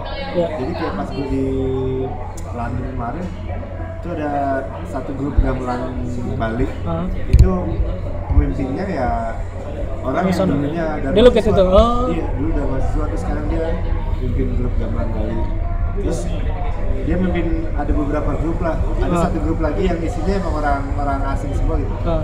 Dia bentuk di sana. Ah. Dia bentuk di sana itu. Iya. Tuh. Gitu. Jadi di Bang, ada satu universitas di Hah? London namanya SOAS. Jadi SOAS ini emang tempat lu studi budaya Asia dan Afrika gitu. Oh. Nah, di sana mereka punya kelas bahasa Indonesia. Ada dosennya dari Dari oh. dari dosen itu. Ya, gokil sih pemerintah kita itu. Maksudnya, dan, tapi itu nggak nggak dalam sorotan ya, maksudnya kayak nggak nggak banyak orang yang ini juga yang tahu juga. ya. Di sini emang enggak gitu kayak. Tapi di luar di ya. luar kalau orang yang memang Minat untuk stay lama di sini Iya, iya. pasti tahu Tahu dari mahasiswa. iya banyak sih dan ini lu kuliah lu dikasih uang saku Iya. Beasiswa sebenarnya kayak beasiswa iya kayak yang Jogja tuh dikasih uang saku dua setengah juta per bulan. iya iya lumayan untuk Gue di Jogja pak, gue mere. ini malah Iya, gue kan dua juta. kan? Dua juta. dua juta sekarang Dua juta tiga ratus oh ya Oh, gue lu masih sejuta satu koma- koma, kan? Cuma delapan apa? ah lu bayangin punya uang dua setengah juta di Jogja tuh udah Iya. di sini kayak Lo mungkin setara berapa empat empat juta. ya kalau di atas UMR gitu Iya. mungkin setara di sini 6 juta ya Kita kayak ya lu bisa sangat hidup dengan cukup lah di sini. iya cukup banget gitu loh sih. Terus apa selanjutnya apa nih? nah selanjutnya itu jadi eh, ada apa ya pokoknya enam bulan terakhir di hidup gue tuh benar-benar perubahannya tuh naik turun gitu Iya. kayak drastis gitu sesuatu yang nggak lu rencanain tapi akhirnya kejadian. Iya, dan itu karena beberapa faktor gitu. Ya, salah satunya trip-trip gue ini. Iya. Jadi tadinya tuh gue mau balik ke Australia. Gue mau kuliah di, gue mau ambil childcare and education. Ah, Jadi gue mau fokus di Anak-anak. Kayak kalau gue ngikut jalur itu ya, Iya. itu akhirnya gue jadi guru SD di, di Australia gitu pengennya itu awalnya nah terus dengan perubahan enam bulan ini gue mutusin gue gue di Indonesia gitu. Ya sekarang sih gue pengen bikin satu wadah lah gitu atau channel YouTube gitu kan. Ya, ya ini bahas hal-hal yang emang gue tertarik gitu. Iya. ya salah satunya pasti mengenai traveling Iya. gitu kan sama eh, ada beberapa hal sih yang pengen gue lakuin gitu dan kemungkinan akan gue lakuin di Jogja jadi kemungkinan nih gue balik balik stay Jogja lagi nih Oke. gitu jadi kayak eh eh sorry nggak harus di Jogja sih Tapi Kayak- maksudnya be- base lu di Jogja karena banyak hal yang bisa di sana. Iya, gitu. Sekarang sih yang gue lagi coba di sini ya, sebenarnya ini udah udah gue pasarin gitu. Jadi gue buka tour di Airbnb. Eh, nama tripnya sih second hand market trip. Jadi gue mau bawa orang-orang ke pasar-pasar loak yang ada di Jakarta. Senen itu. ya? Senen. Pasar baru. Eh, enggak, kalau yang trip rute yang gue bikin Jatinegara, Ah. Senen, Kemang, Menteng. Oke. gitu emang fokusnya buat turis yang lagi datang sini. Nah gue lagi bikin itu satu. Menteng yang di Jalan Surabaya bukan? iya kan kayak ya udah terus dari Barang situ antik gitu-gitu ya? ah, makan siang di depan Sunda Kelapa. Depan Oh iya, maksudnya. satu itu. Yang kedua gue bikin trip juga di Airbnb bareng temen gue yang emang fotografer. Jadi ini kayak kalau ini foto walk. Jadi sama bawa orang yang minat di fotografi terus diajak street fotografi. Yang jadi kayak gua yang kayak ngelit gitu Ya, ya. gua nih yang bagian ngajar yang bagian ininya apa di lapangannya gimana iya dan memang temen gua dia kayak ya profesional sih udah kerja sama sama brand-brand gede Iya. canggih lah gitu Iya, iya. intinya gitu. sama ya intinya gue bikin itu Hah? terus pasti nggak jauh-jauh dari wisata gue mau mengembangin trip gitu kan dan tripnya lebih ke alternatif gitu. kan kalau yang trip umum lihat landmark gitu kan udah udah Sering. banyak gitu kan. apa ya udah banyak pilihannya gitu orang nah gue mau bikin yang alternatif kayak kemarin gue sempet brainstorm sama temen gue di Jogja dia punya ide bikin trip kayak trip literasi gitu anjir. Jadi kebetulan koneksi dia di Jogja lumayan. Iya, iya. di bidang literasi tulis menulis gitu kan. Jadi kayak dia mau bikin trip itu kayak misalkan ngopi sore bareng ini siapa gitu. Eh, atau jalan-jalan ke ini perpustakaannya siapa? Ya intinya tempat-tempat yang di bagian Iya, bidang literasi. literasi gitu loh. Tapi itu ada pasarnya? Orang ya gue yakin sih pasti ada gitu walaupun itu pasarnya kayak mungkin kecil ya. Mungkin kecil tapi uh, dari sekian banyak orang yang ke Jogja gitu. Iya, iya. kayak masa sih nggak ada, ada yang yang senang bidang itu. Iya, apalagi Jogja itu kota budaya kota pelajar pendidikan. Saya orang ke Jogja itu banyak orang yang memang pengen melihat kayak gitu gitu iya sama ya ini kayak jatuhnya masih ngayal aja sih. Kayak gue pengen bikin trip sampai sekarang belum kesampaian. Uh, mungkin kalau visi besarnya gitu bikin festival. Ah festival musik gitu. Ah tapi yang eh, yang sehat gitu. Kalau sebenarnya ah, apaan sih sehat? Nggak nggak enak banget gitu. Tapi iya gitu. Kalau sekarang kan lu orang festival musik kesannya ya udah lu musik mabuk. Ah ah. Udah gitu kan. iya iya gue pengen tuh bikin eh, ya nirunya konsep dari luar gitu kayak pagi tuh ada workshop pagi sampai sore tuh banyak Ah. workshop yoga dan workshop nulis yeah. apa segala macam kadang malamnya tuh baru yang acara musik. musik gitu. Tapi gue mau bikin karena ini ya festival gue suka suka dulu ya Iya. gue bikin nih festivalnya sober gitu.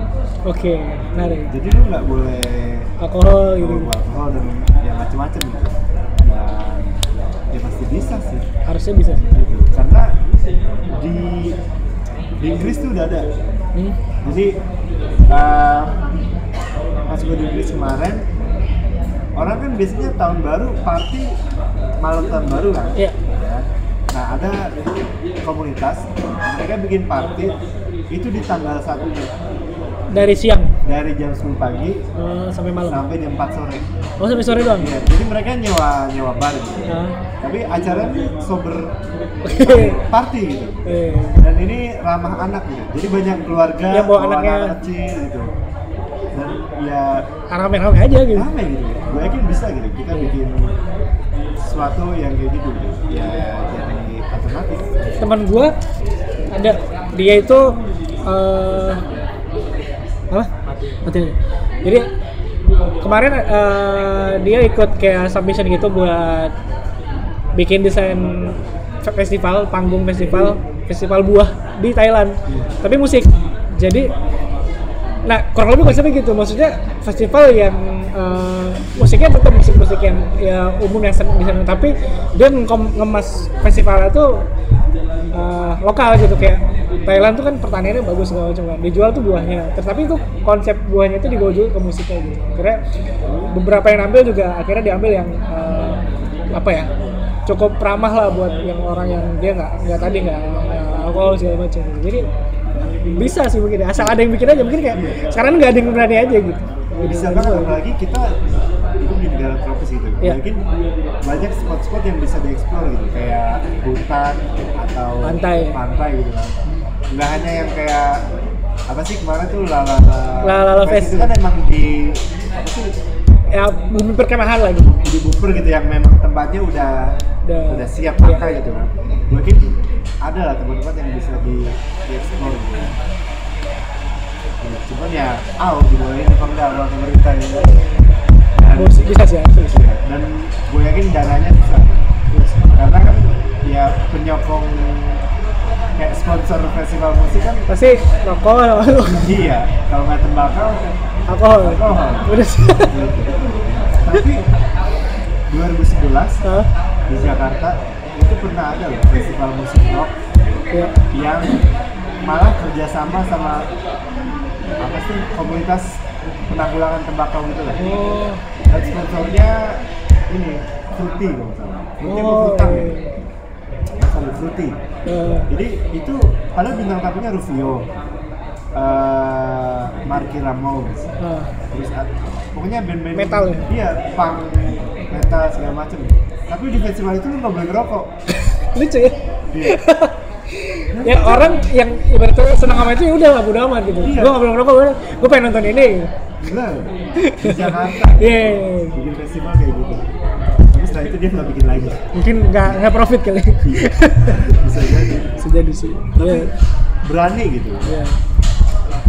Dux. ya ada lah beberapa yang gua pengen kerjain cuman kayak eh, ya kalau sekarang masih masih angan aja Masih ya dalam rencana lah ya. Masih lancar. yang udah mulai digarap ya itu Yang itu. tour Oh, yang tour sama ya YouTube ini juga Yang tour udah udah pernah jalan? Udah ada? belum belum karena emang gua belum apa belum fokus banget dalam itu gitu jadi sama gue mulai set up mulai jual diri dalam tanda kutip untuk ngajar di sini Nah, tapi kayak ngajar privat ya gue kemarin Inggris. ikut seleksi ruang guru ah. ruang guru kan punya guru les gitu Iya. kan so, sama ada beberapa platform online untuk lo ngajar bahasa Oke. itu sih gue mulai coba-coba mungkin nantinya gue akan buka kelas privat juga untuk bahasa Bahasa Inggris. tapi lebih ke nggak yang formal gitu nggak yang kita belajarnya lebih ke ya lu gimana Sehari-hari. iya ngadepin situasi dan kayak belajar kulturnya dia gitu Iya. gini lah. Kayak pengalaman udah banyak soalnya kan. Iya. Bisa dijual lah kan. Iya. Australia atau Inggris gitu kan. Ah. Eropa gitu. Kultur. kayak gimana sih lu bahasa basi Iya, iya. kalau lagi lu lagi nongkrong gitu sama Iya. beberapa orang asing gimana sih lu bahasa basi Bahasa basi yang ma- yang masuk ke orang sana. make jokes walaupun pada akhirnya sama sih gitu Cuman beda di bahasa kan. iya ketika lu udah make jokes gitu sama gitu pada, pada akhirnya sama Standarnya nggak nggak terlalu jauh beda lah ya. iya Sebenarnya. nggak. Jokes. ya walaupun mungkin ada perbedaannya kayak di sono orang nggak ada main kata-kataan nama orang tua gitu Iya lah. Nah, Soalnya kadang namanya tuh dari nama orang dari nama orang tua nggak Ya, sih? manggilnya aja kan udah manggil orang tua. iya Iya Jadi kan? anak-anak dia bilang, eh lu anaknya ini Ya nama gua itu. kecuali mungkin yang namanya unik Oh, itu baru yang kayak jadi bisa jadi bahan ini ya. iya jadi bahan channel gitu tapi kalau di sini kan lu mau nama sebagus Bagus apa pun. Ya. apa pun ya udah jadi hina Wah, gue pengen nanya nih. Ini agak keluar dari apa?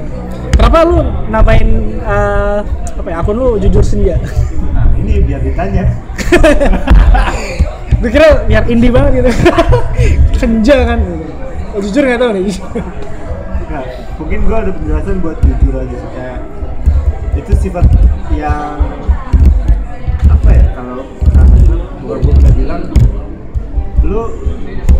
bisa ketemu orang yang pinter banget Ah, uh, ada ketemu orang yang hebat Hah? hebat banget ganteng ganteng banget tapi jujur tuh nggak ada itu gua nggak nggak bisa bedain jujur sama jujur banget tuh nggak ada Ah. ketika lu bohong ya udah lu bohong ya. jujur Iya. gitu kayak mungkin sifat paling penting gitu dalam hal apa pun Iya. Kejujuran. iya jujur sih Kalau senja ya udah sekedar ini aja. jadi ini biar ditanya pak Biar terlihat indie kan. iya lah biar tinggi banget Iya. Sejauh ini udah banyak yang nanya berarti. apa Sejauh ini udah banyak yang nanya. udah Jujur enggak. Lu pernah nonton ini gak? Film Mencari Hilal? pernah itu film yang di luar ekspektasi. Gue pikir wah filmnya Film-film apa ya? Religi. Wah, nih, apa nih hubungan orang tua dan Anak. anak gitu. Eh. Tentunya banyakkan sponsor apa pesan sponsor menurut gue ya. oh gitu. Lu udah nonton juga kan? Udah, udah. Ya ya udah sih gitu emang ya udah gitu. Donornya Denny JA. Oh, udah. Ya udah. Kerenan film dia yang ini uh, Trip to the Moon. Iya. Iya, itu. Gue itu belum nonton full sih. Ah. Tapi gue beli buku puisi sama kasusnya yang Itu- Dian Mansur. itu oke sih jadi gua datang itu pas Komentar, screening, ah, ini screening, kan, ah. lagi ada diskusi sama Iya, iya. Ismail Mas Bet, ah. terus ada satu orang yang dia kayak gue lupa apa yang dia omongin cuman kayak intinya dia nggak dapet lah apa yang Iya, iya. Kalau Karena kan aku- eks- nggak eksplisit, maksudnya kayak itu tuh pesannya tuh emang dan penuturan filmnya kan bukan penuturan yang biasa kan. Ah, karena Kayak apa ya, penuh penuh makna atau segala macam ya, itu kan. surreal gitu kan Surreal ya.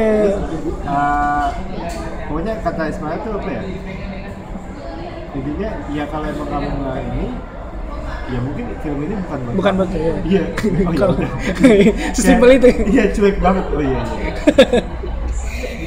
Nah, lu kenapa nanya mencari hilang? Enggak, karena namanya sama-sama hilang. Sama hilang, gitu. Enggak lu dinamain hilang apa? Karena lu lahir Enggak, sebenarnya gua nggak lahir juga nggak pas Ramadan. Iya.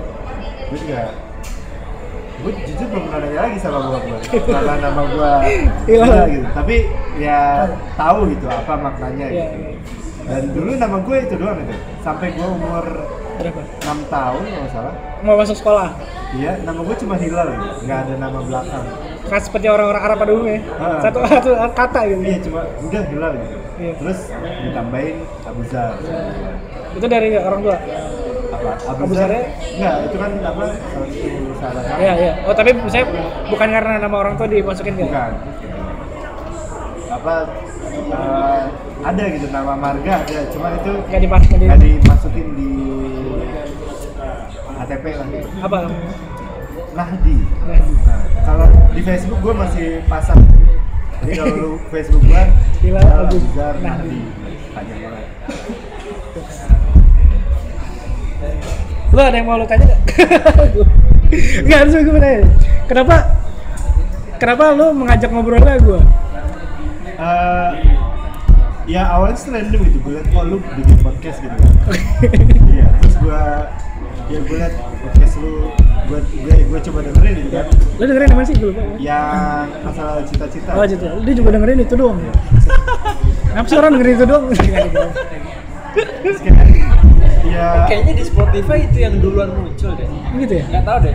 Pokoknya mungkin judulnya paling catchy mungkin oh, judulnya apa ya Suka duka cita-cita sih. nah ya itu mungkin kayak judulnya itu kan kayak dua dua kata yang enggak Iya. Kalau gue nge-layoutnya malah jadi kayak suka cita duka cita gitu. Tapi kebacanya jadi suka duka cita-cita. Gitu. iya iya iya Ya, itu gue random juga sih. Gue ngerekam di sini juga. oh gitu Jadi gue kalau yang monolog itu eh, biasanya agak apa ya? Agak spontan. Kayak oh, gue pikiran ini kayak gue gue nggak banyak ngerekam ini karena itu tuh benar-benar ya udah gue lagi pikiran ini gue lagi eh, kayak pengen ngomong ini. Tapi kalau yang ngobrol gini kan eh, harus ada alur kan biar nggak terlalu ngalor gitu segala macam. Jadi kayak ada catatan. Tapi kalau yang kayak gitu tuh bener-bener yang ya udah itulah. Cuman kurangnya adalah jadi kadang gua rasa kalau setelah gue evaluasi nggak begitu rapi kayak ya ke mana-mana juga cuman ke mana-mana itu di luar dari apa nggak bisa dia iya sih terus gue kira ya itu dari kuliah kriminologi gitu kan? Iya. Terusnya ya punya punya teman lain yang rajin bikin podcast gitu. belum. Nah, ada, ada temen gue katanya mau bikin podcast mengenai jalan-jalan. Nah, oh jadi jadi apa enggak ya? Oh, kalau jalan-jalan tuh kadang sebenarnya lebih enak ditonton sih. Karena ada visualnya enak gitu Ya mungkin kalau model-model narasi gitu, model Oh. coba audiobook gitu, oh di gua monolog jadinya. mau Jadi orang bisa oh iya lu perjalanan lu tuh lu dokumentasi nggak dengan baik atau ya udah sekedar dibilang dengan baik sih enggak. Tapi foto sama jurnal. Jurnal? Gue ada tulisan? Iya apa buku kecil. Dan itu pun nggak yang eksak gitu tapi seenggaknya supaya gue bisa merecall memori aja gitu ketika lo mau nulis itu ulang iya. ada eh, kayak oh misalkan hari ini kayak sesingkat kayak hitchhike ketemu ini profesinya ini bla bla bla. Gitu itu udah lumayan banget sih modal banget. Gue buat cerita. Kayak gitu sih yang gue keren sih. Dan gue saya salut sama orang-orang yang berani gitu loh keluar dari tempat dia eh, besar. Saya gue juga merantau tapi gue tuh merantau ya udah karena sekolah karena kuliah gitu. Kayak gue seneng jalan-jalan tapi gue nggak nggak nggak begitu effort buat gue pengen jalan-jalan gitu. Kayak pasti gue keluar kota atau karena suatu tuh karena ya udah karena ada tujuan yang tujuan jalan-jalan. Eh, ja- kayak bagi gue tuh jalan-jalan tuh bonus gitu. Walaupun kayak dorongannya ada gitu kayak dari dulu. Cuman ya nggak nggak se effort itu buat mau oh, gua- bahkan paspor aja gue bikin gitu tapi emang apa ya kalau gue ya pada akhirnya gaya jalan-jalan orang beda Beda-beda, ya. ada yang memang demennya wah gue harus uh, semuanya terencana Iya, gitu. Itinerary-nya jelas, mau ke mana. mana, gitu kan oh, atau yang oh, gue gue nggak bisa jalan-jalan sendiri atau oh, gue cuma bisa jalan-jalan sendiri gitu beda-beda kayak gue lebih demen kelompok kecil kalau untuk Trip, ini, eh. nyantai gitu ya. Kecuali misalkan gue di, diharuskan jadi tour guide gitu ya. Tapi kalau jalan-jalan yang emang emang sebagai lu pengen jalan-jalan Iya. gitu bukan sebagai kerjaan? Nah, gue lebih daripada kecil. mendingan kelompok kecil atau sendiri. Gitu atau bahkan sendiri. Iya.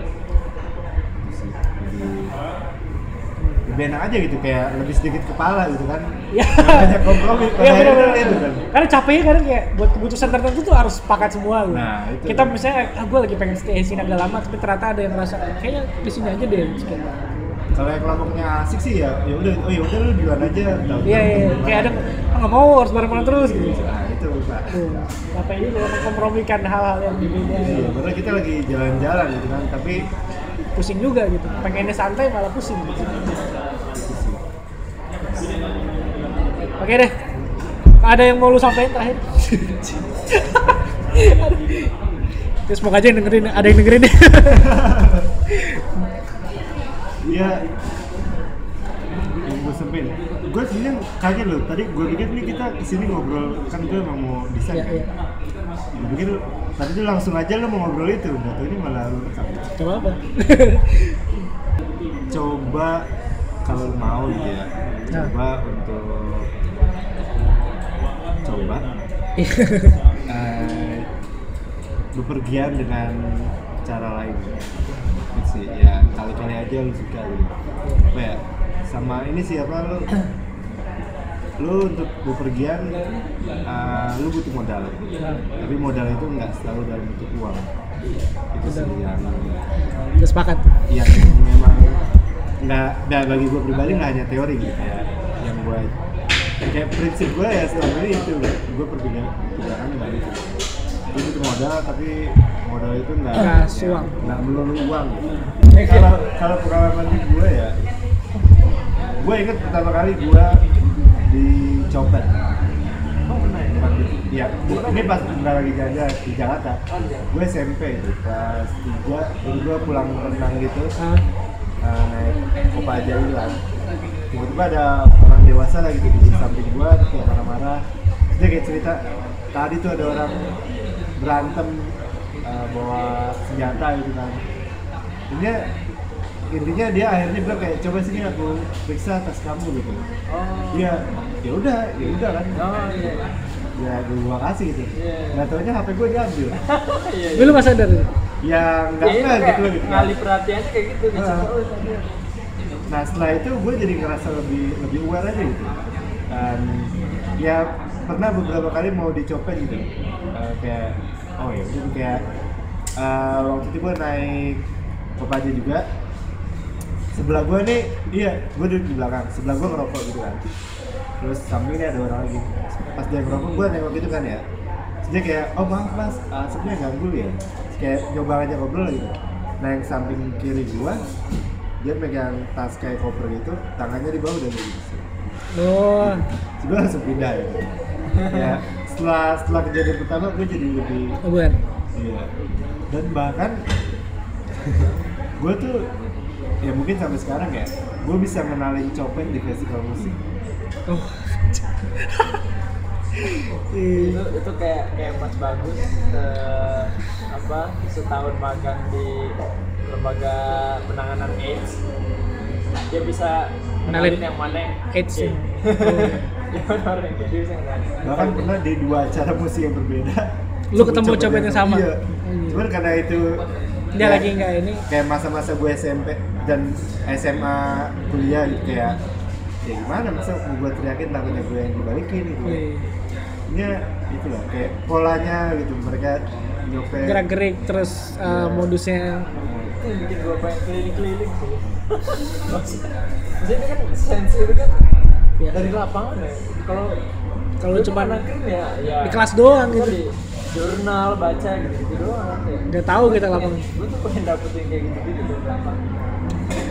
Ya, ya kalau mau coba dari lapangan ya ya udah lu lu tes aja dulu. Nggak usah keluar dulu. Misalkan ke lu ke Bengkulu gitu sendiri. dia kayak ada apa sih di Bengkulu gitu jalur darat lalu ke mana Makassar? Gue kalau nangkap makanya itu kalau kalau gue gue harus ada bekal buat di rumah dulu. Oh iya iya. Gue sekarang belum bisa langsung kayak gitu kan Iya. udah sih Australia itu. Ya main aman aja dulu gitu dan tanda kutip kayak ke kota besar gitu kan. Atau kayak farm. Ya intinya update besar dulu. Komunitas orang Indonesia di sana lumayan besar loh dan mereka saling support. Dan sama tadi itu kerohanian ya itu ini banget Erat.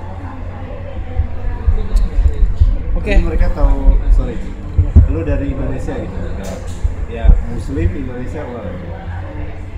Respect. lu respect. Kayak gua keluar itu pertanyaan orang dua. Lu dari mana? Indonesia. Muslim? Iya. Oh. Langsung gitu langsung gitu bang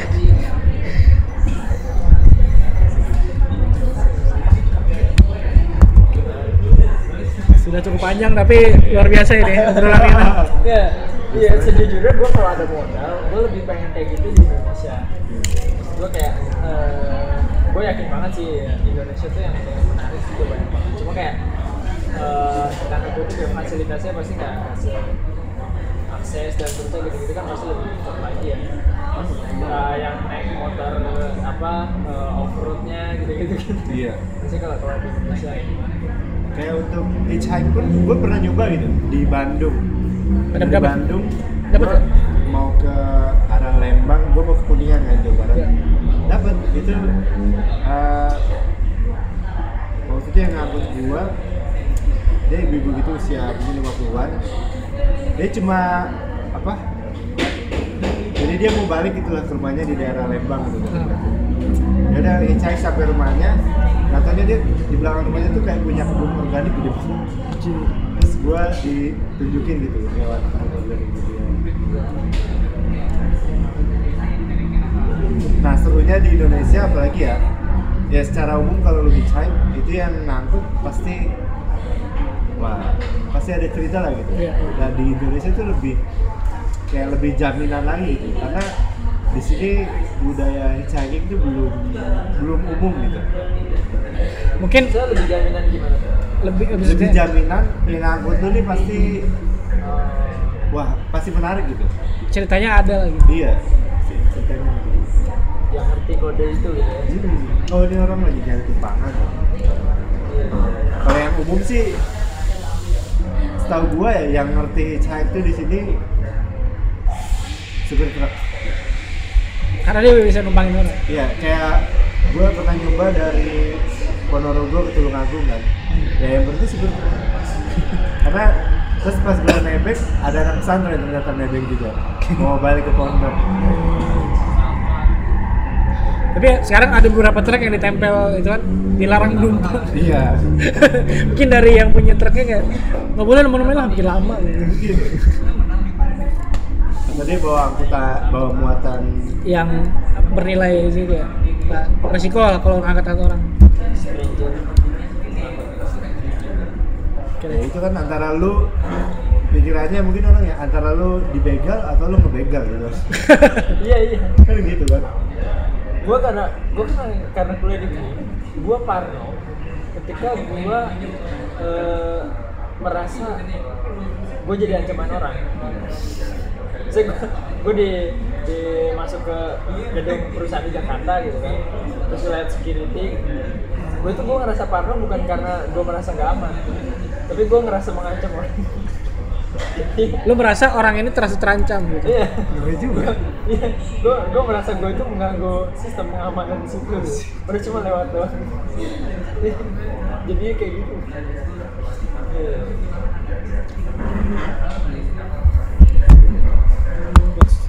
Oke, gua tutup dulu nih biar enak. Thank you banget ya setelah ngobrol-ngobrol ini. Tidak expect juga sih bisa sejauh ini kita ya Oke, eh, Masih nyala nih. masih. masih gila gak sih Jadi jadi mati. Belum, kan belum ditutup, belum enak. Enak aja. Iya. Kalau ada yang mau nanya-nanya nanti eh, boleh ya DM DM dulu ya. boleh boleh DM aja di Instagramnya @jujursenja. Eh, nanya tentang apa namanya traveling apa kerja di luar segala macam atau mau privat bahasa Inggris boleh. Iya. atau boleh ntar kalau eh, YouTube-nya udah jalan ntar gue promoin juga. Eh, sekali lagi thank you banget ya. Eh, sampai jumpa gue pamit. Gue pamit juga Muspik pamit juga. Sampai jumpa di suara-suara berikutnya. Dadah.